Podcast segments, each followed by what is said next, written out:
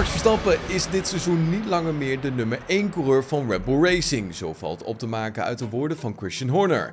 Sergio Perez is door zijn overwinning in Monaco mee gaan doen in de titelstrijd. En zodoende stopt Red Bull met het uitdelen van teamorders richting de Mexicaan. Perez staat momenteel 15 punten achter Verstappen en nog maar 6 punten achter Charles Leclerc. Horner vindt dan ook dat hij het niet langer kan maken om Verstappen puur en alleen als nummer 1 te beschouwen. Als hij van Nico Rosberg bij Sky Sports de vraag krijgt of Perez nog teamorders gaat krijgen, antwoordt Horner het volgende. Nee, hij zit net zoveel in dit kampioenschap als Max. Het verschil tussen hen is 15 punten. Dat is niets. volgens Horner hebben zijn beide coureurs fantastisch werk geleverd in Monaco. Er is nog een lange weg te gaan in het kampioenschap. We kunnen zien dat Ferrari een hele snelle auto heeft. Maar door fantastisch teamwork, zowel bij de coureurs als aan de pitmuur, zijn we erin geslaagd om ze hier te verslaan. Dat gaat de komende races niet makkelijk zijn. Als team moeten we onze prestatie optimaliseren en aan het einde van het kampioenschap gaat het pas echt spannend worden. Al dus Christian Horner.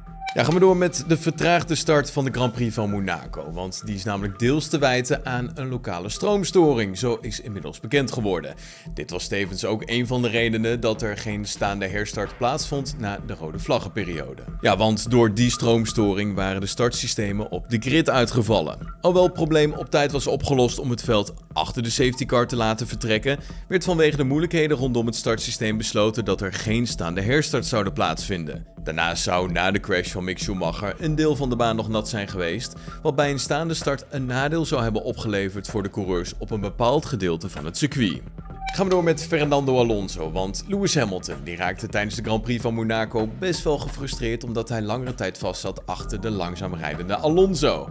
Alleen de tweevoudig wereldkampioen uit Spanje ligt daar echter niet wakker van. Na afloop van de race vertelde de oude rot dat zijn langzame rondetijden niets te maken hadden met problemen aan zijn auto, maar dat hij de banden probeerde te sparen omdat hij niet zeker wist of hij daarmee het einde van de race zou halen. Daarom managede ik de banden voor 15 ronden. Daarna pushte ik de laatste 15 ronden, omdat Esteban een tijdstraf had. Ja, als Alonso wordt verteld dat zijn langzamere pace Hamilton frustreerde, klinkt het niet mijn probleem. Om er vervolgens ook nog aan toe te voegen dat het extreem eenvoudig was om de Mercedes achter zich te houden.